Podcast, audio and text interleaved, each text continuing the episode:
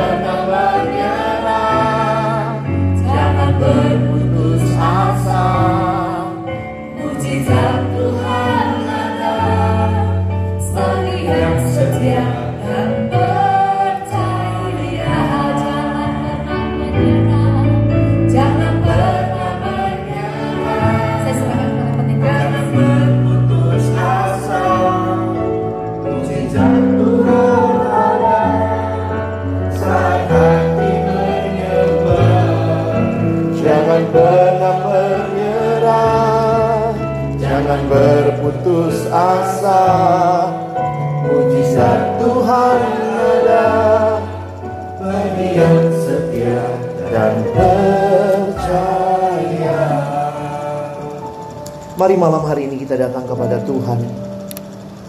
Secara pribadi mari mohon Agar Tuhan kembali menyapa kita melalui kebenaran firman-Nya.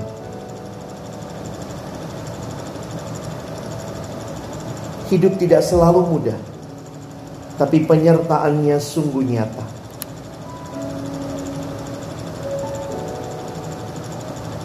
Malam hari ini kami datang kembali kepadamu ya Tuhan. Kami bersyukur untuk cinta kasih dan anugerahmu bagi kami. Tuhan kembali malam hari ini kami akan membuka firmanmu ya Tuhan. Firmanmu adalah firman yang hidup dan yang menghidupkan kami. Firmanmu firman yang kudus dan yang menguduskan kehidupan kami. Firmanmu adalah firman yang tidak berubah Tapi firman yang kami percaya sanggup mengubah kehidupan kami Itulah yang kami rindukan jadi bagian dari setiap kami yang hadir malam hari ini. Tolong baik hambamu yang menyampaikan setiap kami yang mendengar. Tuhan tolong kami semua. Agar kami bukan hanya menjadi pendengar-pendengar firman yang setia. Tapi mampukan dengan kuasa dari rohmu yang kudus. Kami dimampukan menjadi pelaku-pelaku firmanmu. Di dalam hidup kami. Di dalam keluarga kami. Dalam nama Tuhan Yesus Kristus kami menyerahkan pemberitaan firman. Amin. Shalom. Selamat malam Bapak Ibu Saudara yang dikasihi Tuhan. Kesempatan malam hari ini saya bersyukur kembali diberikan kesempatan juga oleh Tuhan melalui jemaat di tempat ini kita sama-sama akan memikirkan tema yang sudah ini ya. Saya judulnya sih Providensia Allah pemeliharaan Allah yang sempurna. Saya akan nanti uh, slide ini nanti di akhir saja karena ini hanya cuma ilustrasi yang saya rindu menolong kita menghayati pemeliharaan Allah. Waktu pikir-pikir apa yang akan dibawakan, saya kemudian ingat ketika bergumul dalam banyak hal, ayat yang selalu menghibur itu Mazmur 23 Saudara ya. Yuk kita lihat sama-sama lagi. Sekali lagi kita mohon Tuhan menyapa kita melalui kebenaran firman-Nya. Mazmur 23 kita akan membaca di dalam ayat pertama sampai dengan ayatnya yang ke-6. Mazmur 23 ayat pertama sampai dengan ayat yang ke-6. Mari saudara kita membaca bagian ini bergantian. Saya membaca ayat pertama, saudara sekalian membaca ayat yang kedua, kita bergantian hingga ayat yang ke-6. Mazmur Daud, Tuhan adalah gembalaku, takkan kekurangan aku.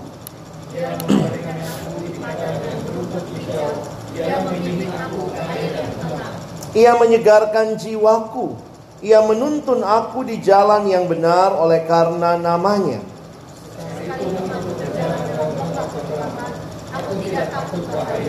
Engkau menyediakan hidangan bagiku di hadapan lawanku. Engkau mengurapi kepalaku dengan minyak. Pialaku penuh melimpah.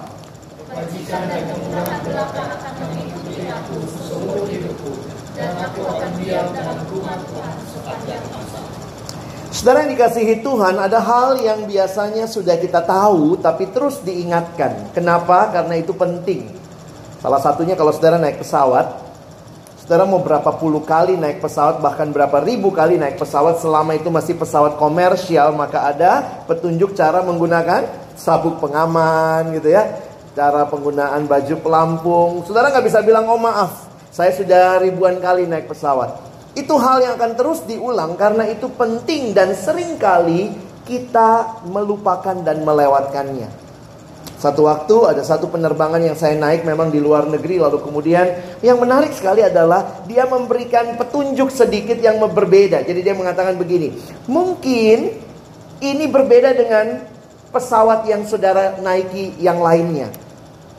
Jadi dia kasih waktu mau mulai memperagakan, mohon perhatian karena mungkin yang kami peragakan akan berbeda dengan pesawat lain, saudara ya. Itu sampai satu pesawat kayaknya lagi perhatiin semua ya, padahal sama aja, saudara ya. Tapi saya pikir ya itulah caranya menarik attention orang untuk memperhatikan. Dan saya juga malam ini sih nggak mau berusaha cari attention saudara ya. Mungkin saudara bilang ya elah Mazmur 23 lagi. Tapi ini jadi bagian yang secara khusus dalam perenungan pribadi saya juga sangat menyegarkan setiap kali mengalami pergumulan.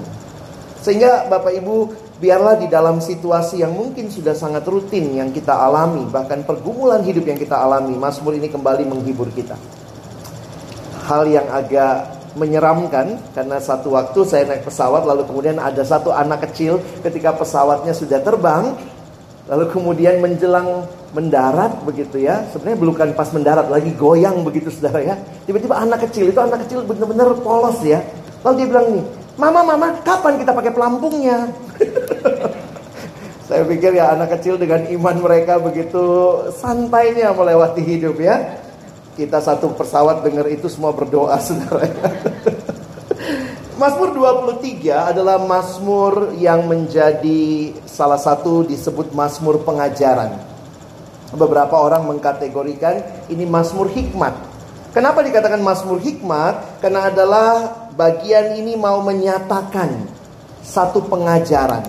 Dan yang unik saudara, biasanya Mazmur hikmat itu atau Mazmur pengajaran seperti ini, apa yang menarik adalah kesimpulannya itu ada di awal. Jadi cukup baca ayat 1 udah selesai sebenarnya ya. Tuhan adalah gembalaku, takkan kekurangan aku. Selesai. Semua di bawahnya hanya menyatakan apa artinya. Tuhan sang gembala sehingga pemazmur tidak mengalami kekurangan. Saudara di dalam mengatasi pergumulan hidup baik kehidupan kita sebagai keluarga, saya pikir mari terus menyadari Tuhan sebagai gembala. Daud bicara hal ini, para penafsir Alkitab mencoba melihat apakah Daud bicara ini menulis Mazmur ini waktu dia sudah raja. Atau mungkin waktu dia belum raja. Tapi yang pasti yang jelas bahwa Daud pernah jadi gembala.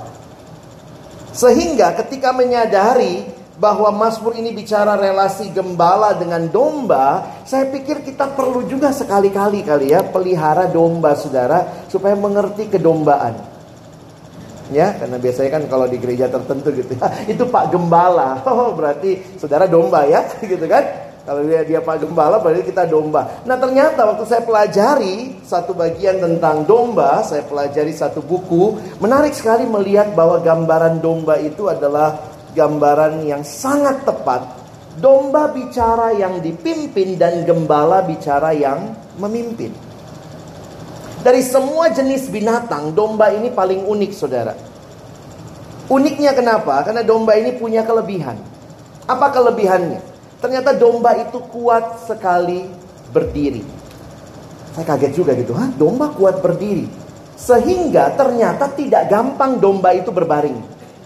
Mungkin kalau kita tidak punya pengalaman dengan domba gembala, tidak pernah pelihara domba di rumah, cuma pelihara anjing, kita pasti belum tentu bisa menghayati. Mazmur ini ternyata mau memberitakan atau menceritakan betapa luar biasanya sang gembala. Saudara perhatikan ya, di dalam bagian ini dikatakan, ia membaringkan aku di padang yang berumput hijau. Domba bukan anjing. Anjing dikitik-kitik bentar langsung dia baring ya. Domba tidak. Domba kuat berdiri dan hanya mau berbaring kalau cukup makan. Jadi berarti kalau dia sampai bisa berbaring, kebutuhan apa yang dipenuhi? Makanannya. Belum lagi kalau saudara lihat, domba itu kuat makannya saudara ya. Saking kuat makannya, maka biasanya padang rumputnya itu akan jadi jadi kosong lagi gitu ya. Botak begitu. Sehingga digambarkan lagi, ia memberikan aku bukan di padang rumput yang habis dimakan, tapi padang rumput yang masih hijau. Dari ayat satu aja waktu merenungkan, wow. Apakah Bapak Ibu Saudara dalam kehidupan keluarga kita sadar bahwa memang Tuhan adalah gembala kita. Yang mencukupkan semua kebutuhan kita. Saudara waktu pelajari lagi tentang domba, domba itu kuat berdiri, kuat makan. Domba juga kuat di pendengaran. Jadi memang agak unik. Kenapa dia kuat di pendengaran? Karena sisi yang lain kelemahannya. Domba itu hewan yang rabun. Dia hanya bisa lihat di depannya paling 2-3 meter, saudara. Itu kalau pakai kacamata minus berapa itu? Sehingga teman saya pernah bikin eksperimen domba-domba lagi kumpul dia bilang waktu itu dia di ke New Zealand atau uh, kayaknya ke Australia atau New Zealand saya lupa. Yang jelas dia lemparkan domba lagi makan dia lempar satu batang kayu itu domba lari tabrak-tabrakan saudara. Dia bilang lucu juga lihat mereka lari tabrakan karena bayangkan ya dia rabun. Lalu di sisi yang lain juga digambarkan domba itu hewan yang bodoh. Klop lah ya rabun plus bodoh. Makanya ada perumpamaan tentang domba yang hilang. Gak ada kan perumpamaan gembala yang nyasar gitu ya. Karena yang rabun dan bodoh itu sang domba saudara. Jadi saya bisa membayangkan bahwa tidak mudah ketika menghayati Daud apalagi kalau betul dia menulis Mazmur ini dia sudah raja itu lebih humble lagi. Karena dia mau mengatakan Tuhan aku cuma domba. Engkau gembalaku. Semua kebutuhannya adalah kebutuhan yang balik lagi. Domba karena rabunnya, karena dia bodoh, domba ini tidak bisa cari makanan sendiri, saudara. Maka domba harus selalu bersama dengan gembalanya. Ditambah lagi, waktu saya merenungkan bagian ini, dikatakan, ia membimbing aku ke air yang tenang. Jadi domba itu takut sama air yang beriak-riak. Bahkan ada uh, uh, dalam buku yang saya baca dia mengatakan kalau airnya beriak-riak dombanya nggak mau minum. Jadi gembala harus melakukan upaya untuk membuat airnya tenang. Maka biasanya gembala akan terlebih dahulu di air yang agak beriak itu. Ini prinsip fisika ya. Kalau air beriak-riak harus dikasih hambatan. Domba bikin, eh, gembalanya bikin seperti dam. Damnya itu akan membuat air yang dari beriak-riak itu akan lebih tenang supaya dombanya mau minum. Saya pikir ini hewan apa ini ya? Manja banget. Tidak bisa cari makan sendiri, tidak bisa cari minum sendiri, tapi dia hewan yang begitu kuat makan, kuat berdiri, lalu musuhnya banyak saudara, ya. Jangan pikir domba ya mungkin ya kalau kita pikir domba ini kayak apa nah yang menarik adalah kalau Bapak Ibu perhatikan dikatakan ia menyegarkan jiwaku, ia menuntun aku ke jalan yang benar oleh karena namanya. Makanya kita sering melihat tongkat gembala itu ada ininya ya, kaitnya gitu untuk narik nih. Karena dombanya itu bisa cari jalan sendiri. Jadi saya sedang membayangkan Tuhan pas banget. Waktu dia mengatakan aku gembala, kamu domba.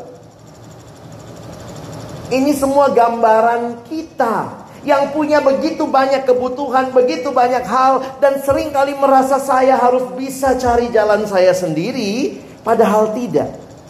Dan ini mau menunjukkan kepada kita bahwa sebenarnya kita sangat membutuhkan gembala. Kalau Bapak Ibu perhatikan, semua hewan ada yang menarik begitu ya. Domba itu adalah hewan yang tidak punya mekanisme mempertahankan dirinya sendiri. Coba, misalnya semut aja kecil-kecil gitu, kalau diapa-apain dia gigit. Kucing cakar. Anjing bisa gigit juga. Bisa menggonggong. Domba Ayo, domba apa? Mbak, itu kambing. Coba kita lihat sebentar ya. 1 Samuel 17. 1 Samuel 17, saudara tahan sebentar Mazmur 23-nya. 1 Samuel 17, mari kita lihat sebentar ayat 35.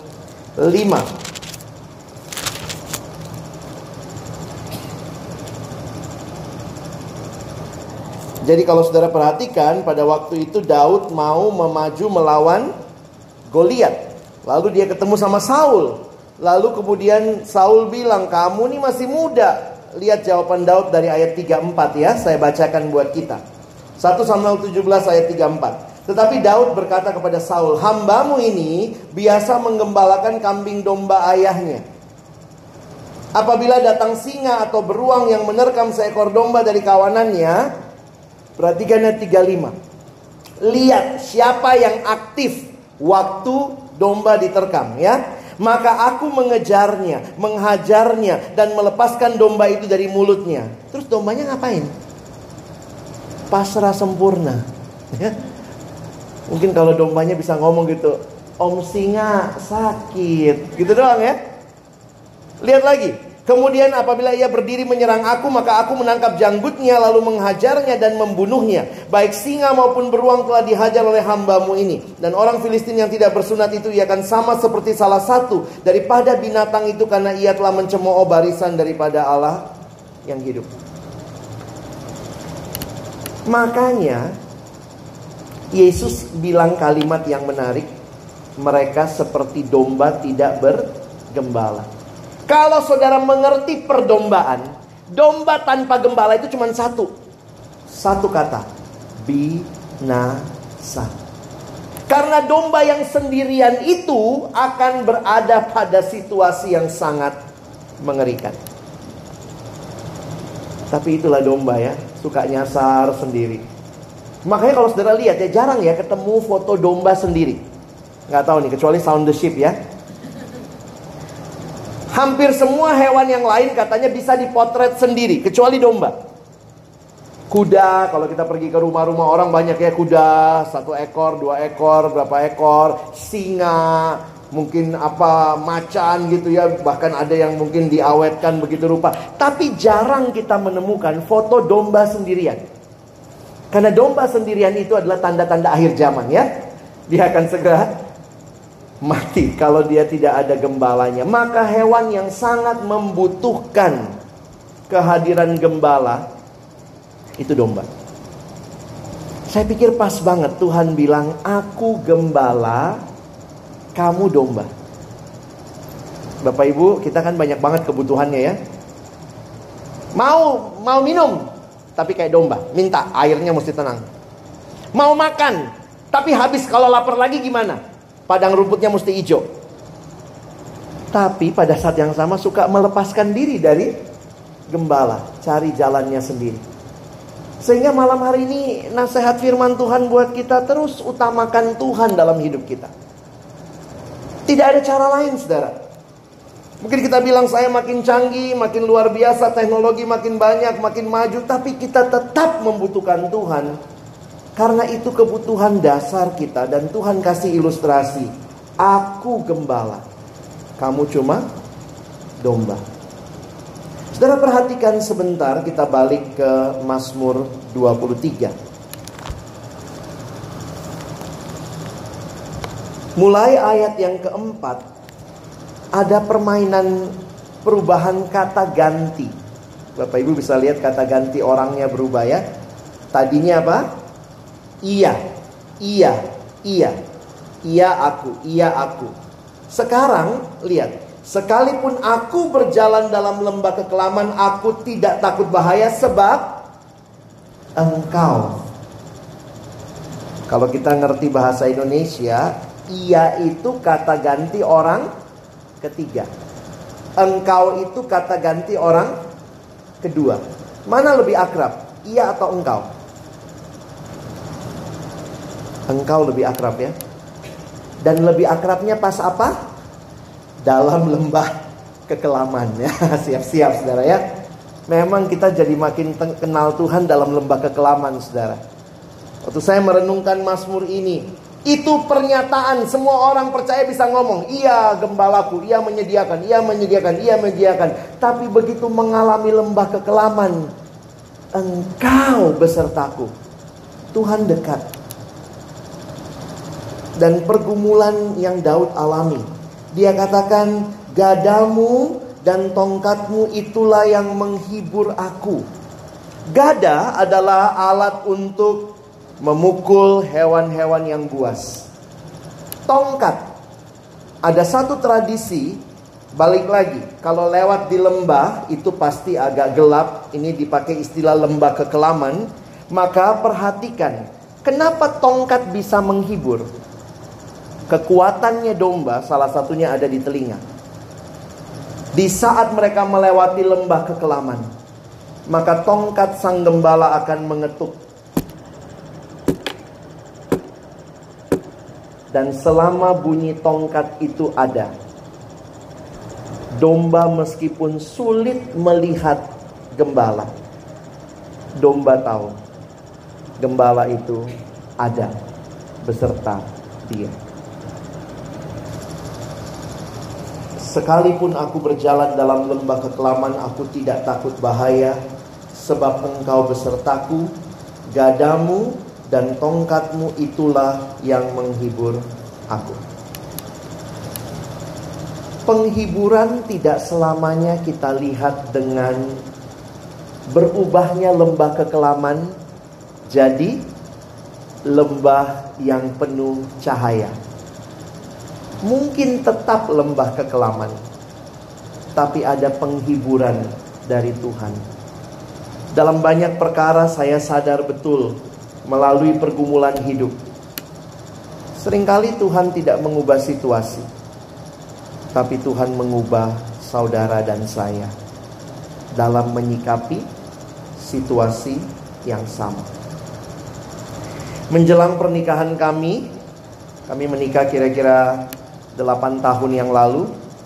Jadi 9 tahun yang lalu sekitar bulan seperti ini saya menikah bulan Maret. Jadi menjelang beberapa bulan menjelang menikah, papa saya dideteksi kanker prostat.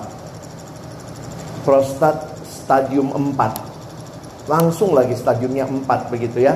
PSA sampai 40 sekian.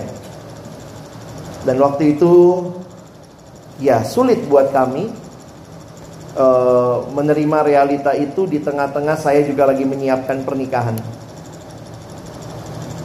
Waktu itu sampai calon saya juga uh, waktu ya istri saya sekarang waktu itu dia bilang apa kita tunda aja pernikahan kita, kita fokus dulu lah pengobatan papa. Tapi ya sama, kita juga tidak bisa tahu apa yang terjadi di depan.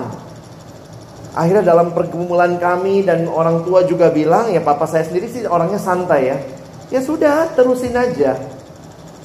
Tapi di situasi itu juga waduh banyak hal yang terjadi Saudara Maksudnya kami berusaha cari pengobatan dan segala macam dan itu menguras tenaga, menguras uh, apa ya, uh, bukan cuma fisik tapi perasaan ya.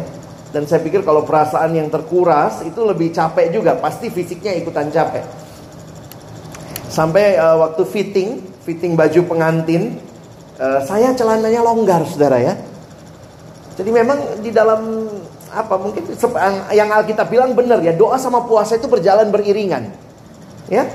Orang yang berdoa puasa kadang-kadang nggak usah disuruh berpuasa udah begitu. Karena kehilangan selera makan.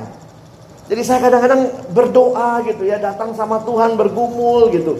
Nggak berasa juga tuh tiba-tiba amin ih udah satu jam gua doa dan itu makan mulai malas gitu ya karena merasa kok dalam pergumulan seperti itu dan waktu itu saya mulai juga bertanya dan termasuk ya masuk dalam pergumulan menyalahkan Tuhan. Tuhan saya sudah jadi hamba Tuhan, saya serahkan semua milikku padamu. Kenapa ini yang saya alami? Jadi seolah-olah ya saya mau mengatakan secara tidak langsung kalau saya melayani Tuhan jangan apa-apain keluarga saya ya. Kayak udah tukeran nih, gue barter ya, gue melayani nih. Uh, tolong jangan apa-apain keluarga saya. Tapi pergumulan itu bagi saya tidak mudah. Terus saya dalam pergumulan sampai akhirnya saya dapat jawabannya. Jawabannya sederhana. Waktu itu kan sebenarnya saudara saya sangat ingin papa saya ada waktu saya menikah. Itu saja permohonan saya. Tapi kemudian dalam pergumulan doa Tuhan seolah-olah memberikan keyakinan dan di situlah saya bangkit. Tuhan mengatakan begini saudara ya dalam saya parafrase, papamu tuh milikku, bukan milikmu. Kalau saya mau dia ada waktu kamu menikah, dia akan ada. Kalau saya bilang pulang, ya pulang. Wah saudara waktu saya dalam pergumulan doa itu dapat keyakinan itu. Ini bukan hal baru, saya sudah hamba Tuhan, saya berkhotbah. Tapi saya juga jadi meyakini ternyata apa yang dihotbahkan ketika mengalami pergumulan hidup, khotbah itu bicara kembali kepada kita. Dan hari itu penghiburan Tuhan sederhana. Papamu milikku, kau pun milikku. Wah cuma itu saudara sebenarnya ya. Wah saya langsung bangkit saudara makan lagi saudara ya. Dan waktu itu waktu uh, cek celana udah pas gitu ya. Waktu fitting gitu ya. Dan secara ajaib memang Tuhan sembuhkan papa saya. Sampai hari ini masih ada.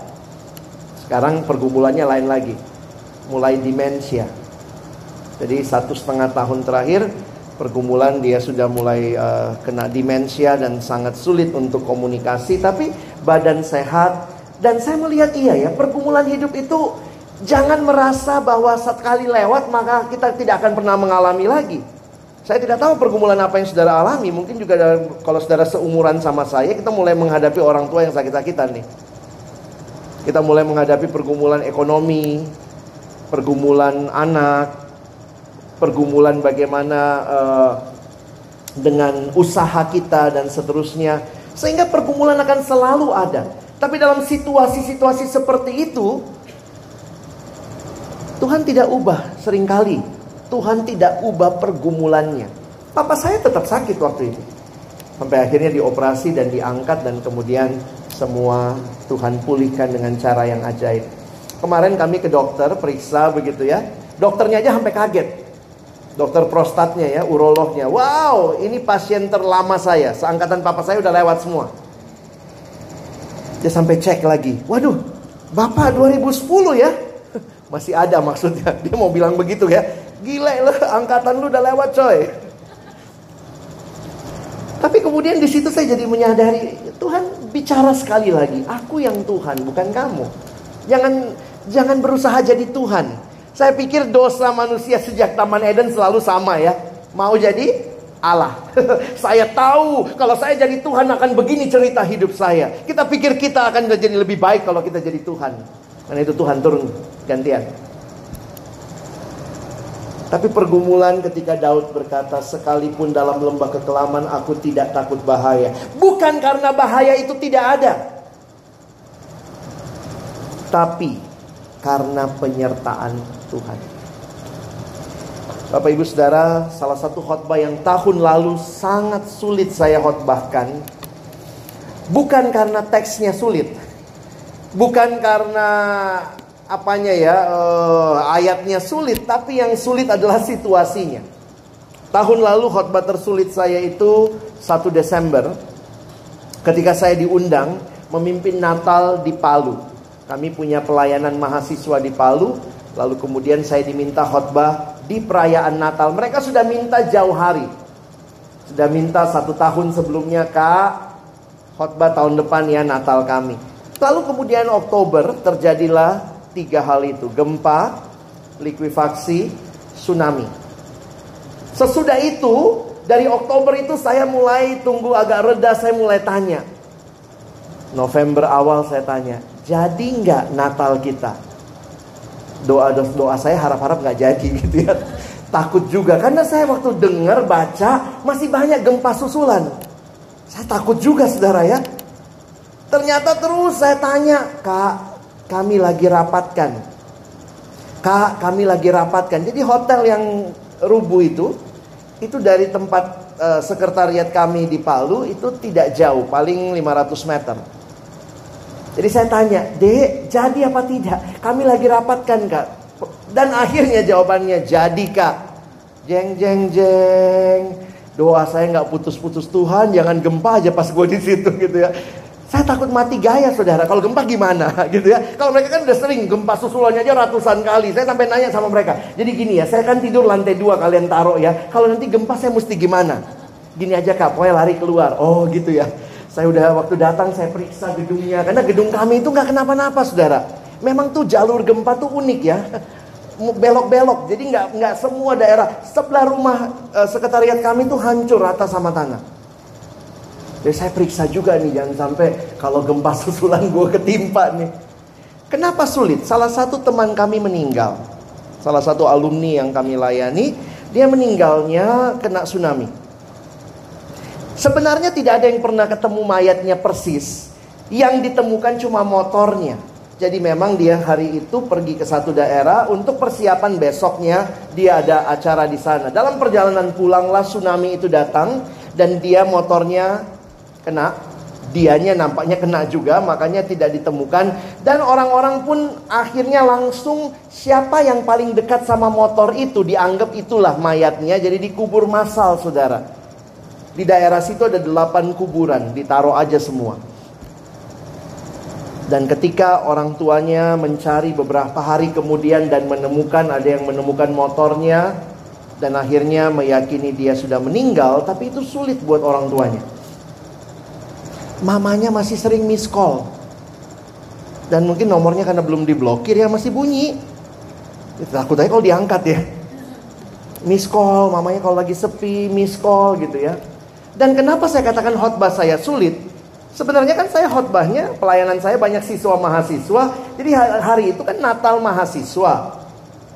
Tahu-tahu mamanya datang. Ikut Natalan, Memang diajak ya, tante yuk kita Natalan sama-sama. Dan kemudian saya baru tahu mamanya datang waktu pas lagu firman Tuhan. Jadi lagu mari kita siapkan firman Tuhan, mari kita nyanyikan lagu ini. Waktu lagi nyanyi teman saya bisik. Mamanya yang meninggal ada di belakang kak. Ya ampun kenapa lu kasih tahu gitu ya. Saya tambah sulit bicaranya gitu ya. Apa yang harus saya katakan kepada orang-orang yang mengalami sementara saya dari Jakarta tidak mengalami datang dan mau berkhotbah kepada mereka, Tuhan menyertai.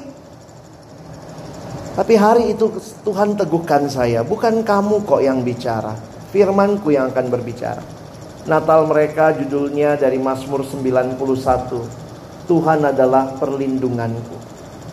Dan ketika saya berkhotbah, banyak hal yang Tuhan itu jujur ya salah satu khotbah yang banyak hal Tuhan berikan pada waktu khotbah. Jadi kayak nggak muncul di persiapan saya waktu lagi berdiri kayak Tuhan kasih gitu ya.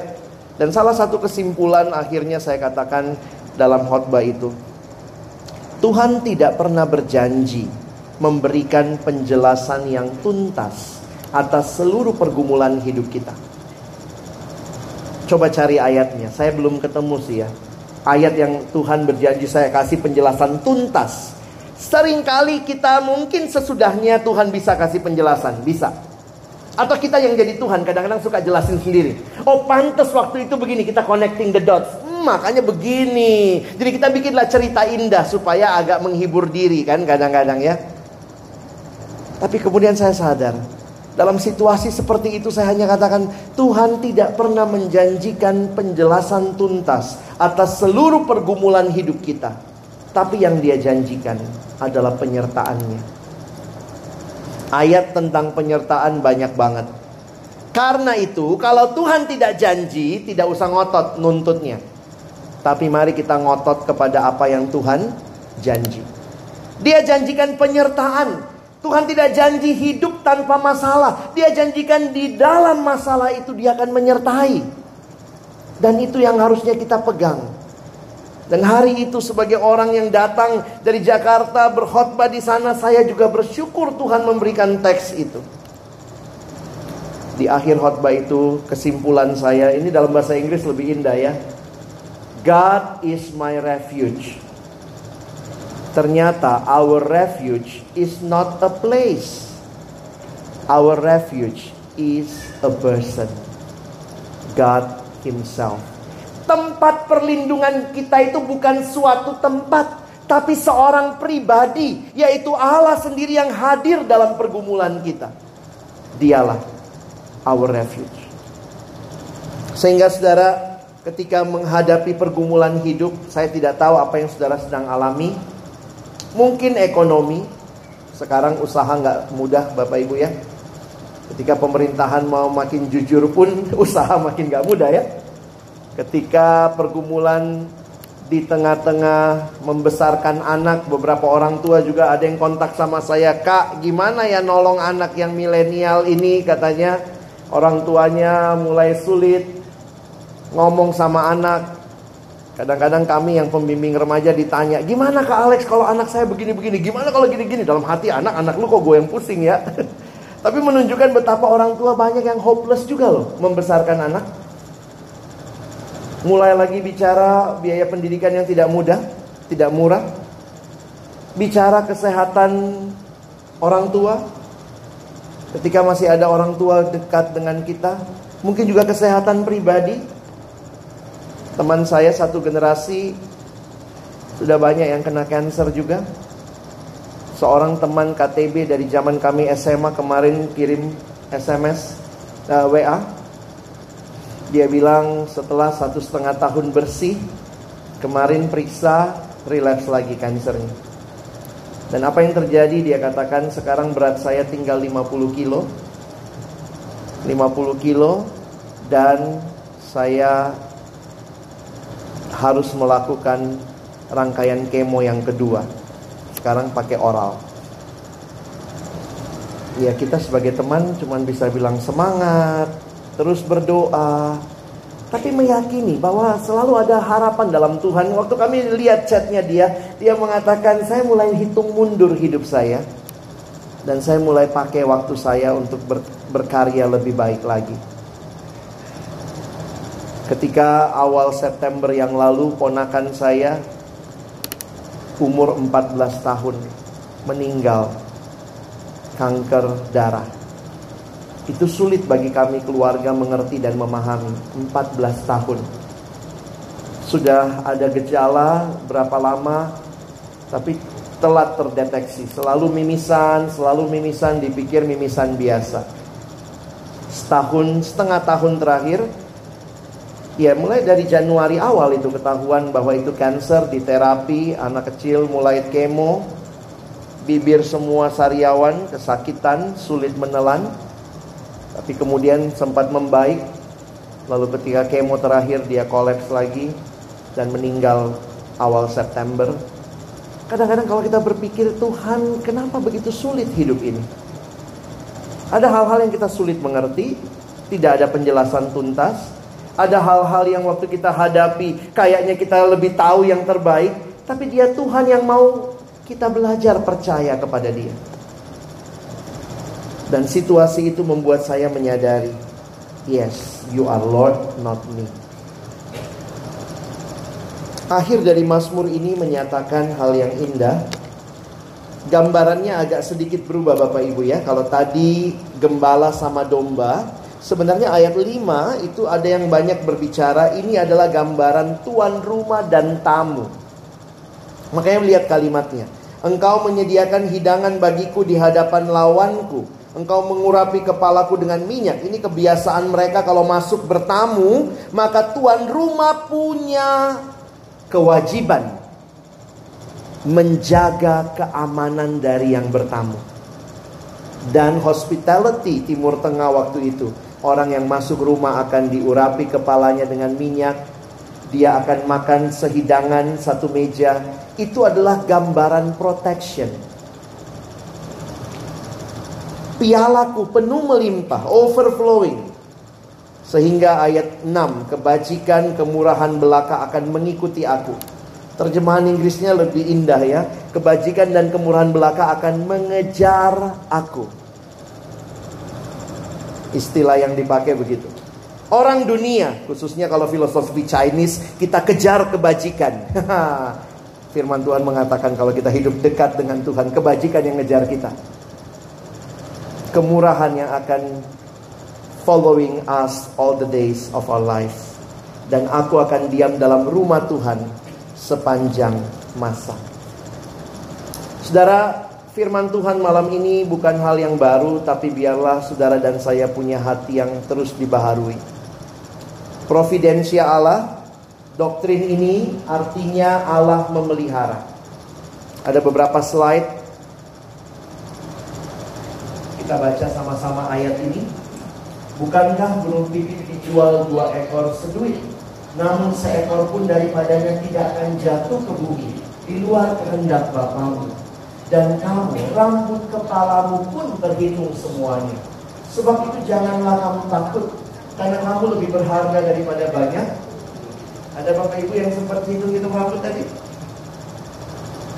Rambutnya yang mana yang paling banyak? Di dunia itu ada tiga jenis rambut ya. Orang berambut hitam, berambut pirang, sama rambut merah. Itu surveinya tiga jenis rambut. Rambut mana yang paling banyak? Hitam.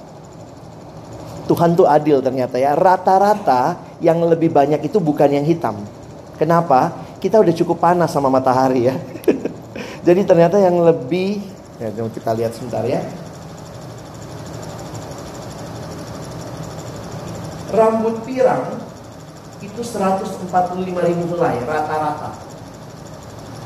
Kalau yang hitam dekat matahari ini ya 120 ribu helai. Yang merah lebih dekat lagi itu daerah-daerah Ekuador sana yang panas itu kira-kira 90 ribu helai. Waktu baca survei ini makanya saya langsung capture begitu ya. Waktu baca survei ini lalu Tuhan ngomong apa? Rambut di kepalamu terhitung semuanya. Apa sih yang kita takutkan?